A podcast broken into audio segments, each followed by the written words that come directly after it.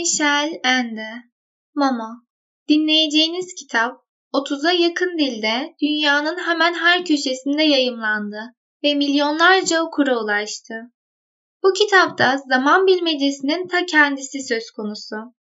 Bu bilmece doğal gibi görünen olaylara şaşmayı henüz unutmamış olan çocuk ve yetişkinleri aynı derecede düşündürecektir.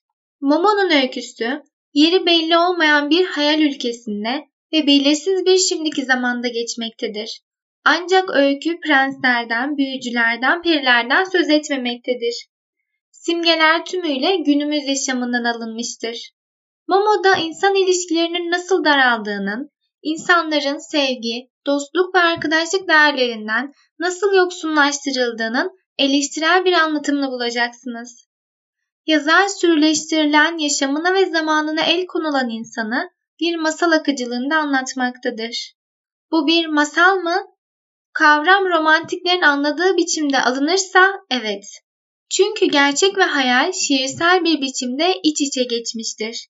Ancak kitap insanın günümüzdeki ve gelecekteki can alıcı sorunlarını da içermektedir.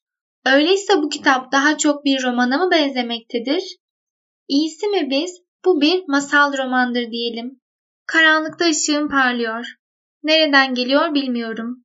Çok yakındaymış gibi görünüyor. Oysa o kadar uzak ki. Bilmiyorum adın ne. Ne olursan ol parla. Parla küçük yıldız. Eski bir İrlanda çocuk şarkısından.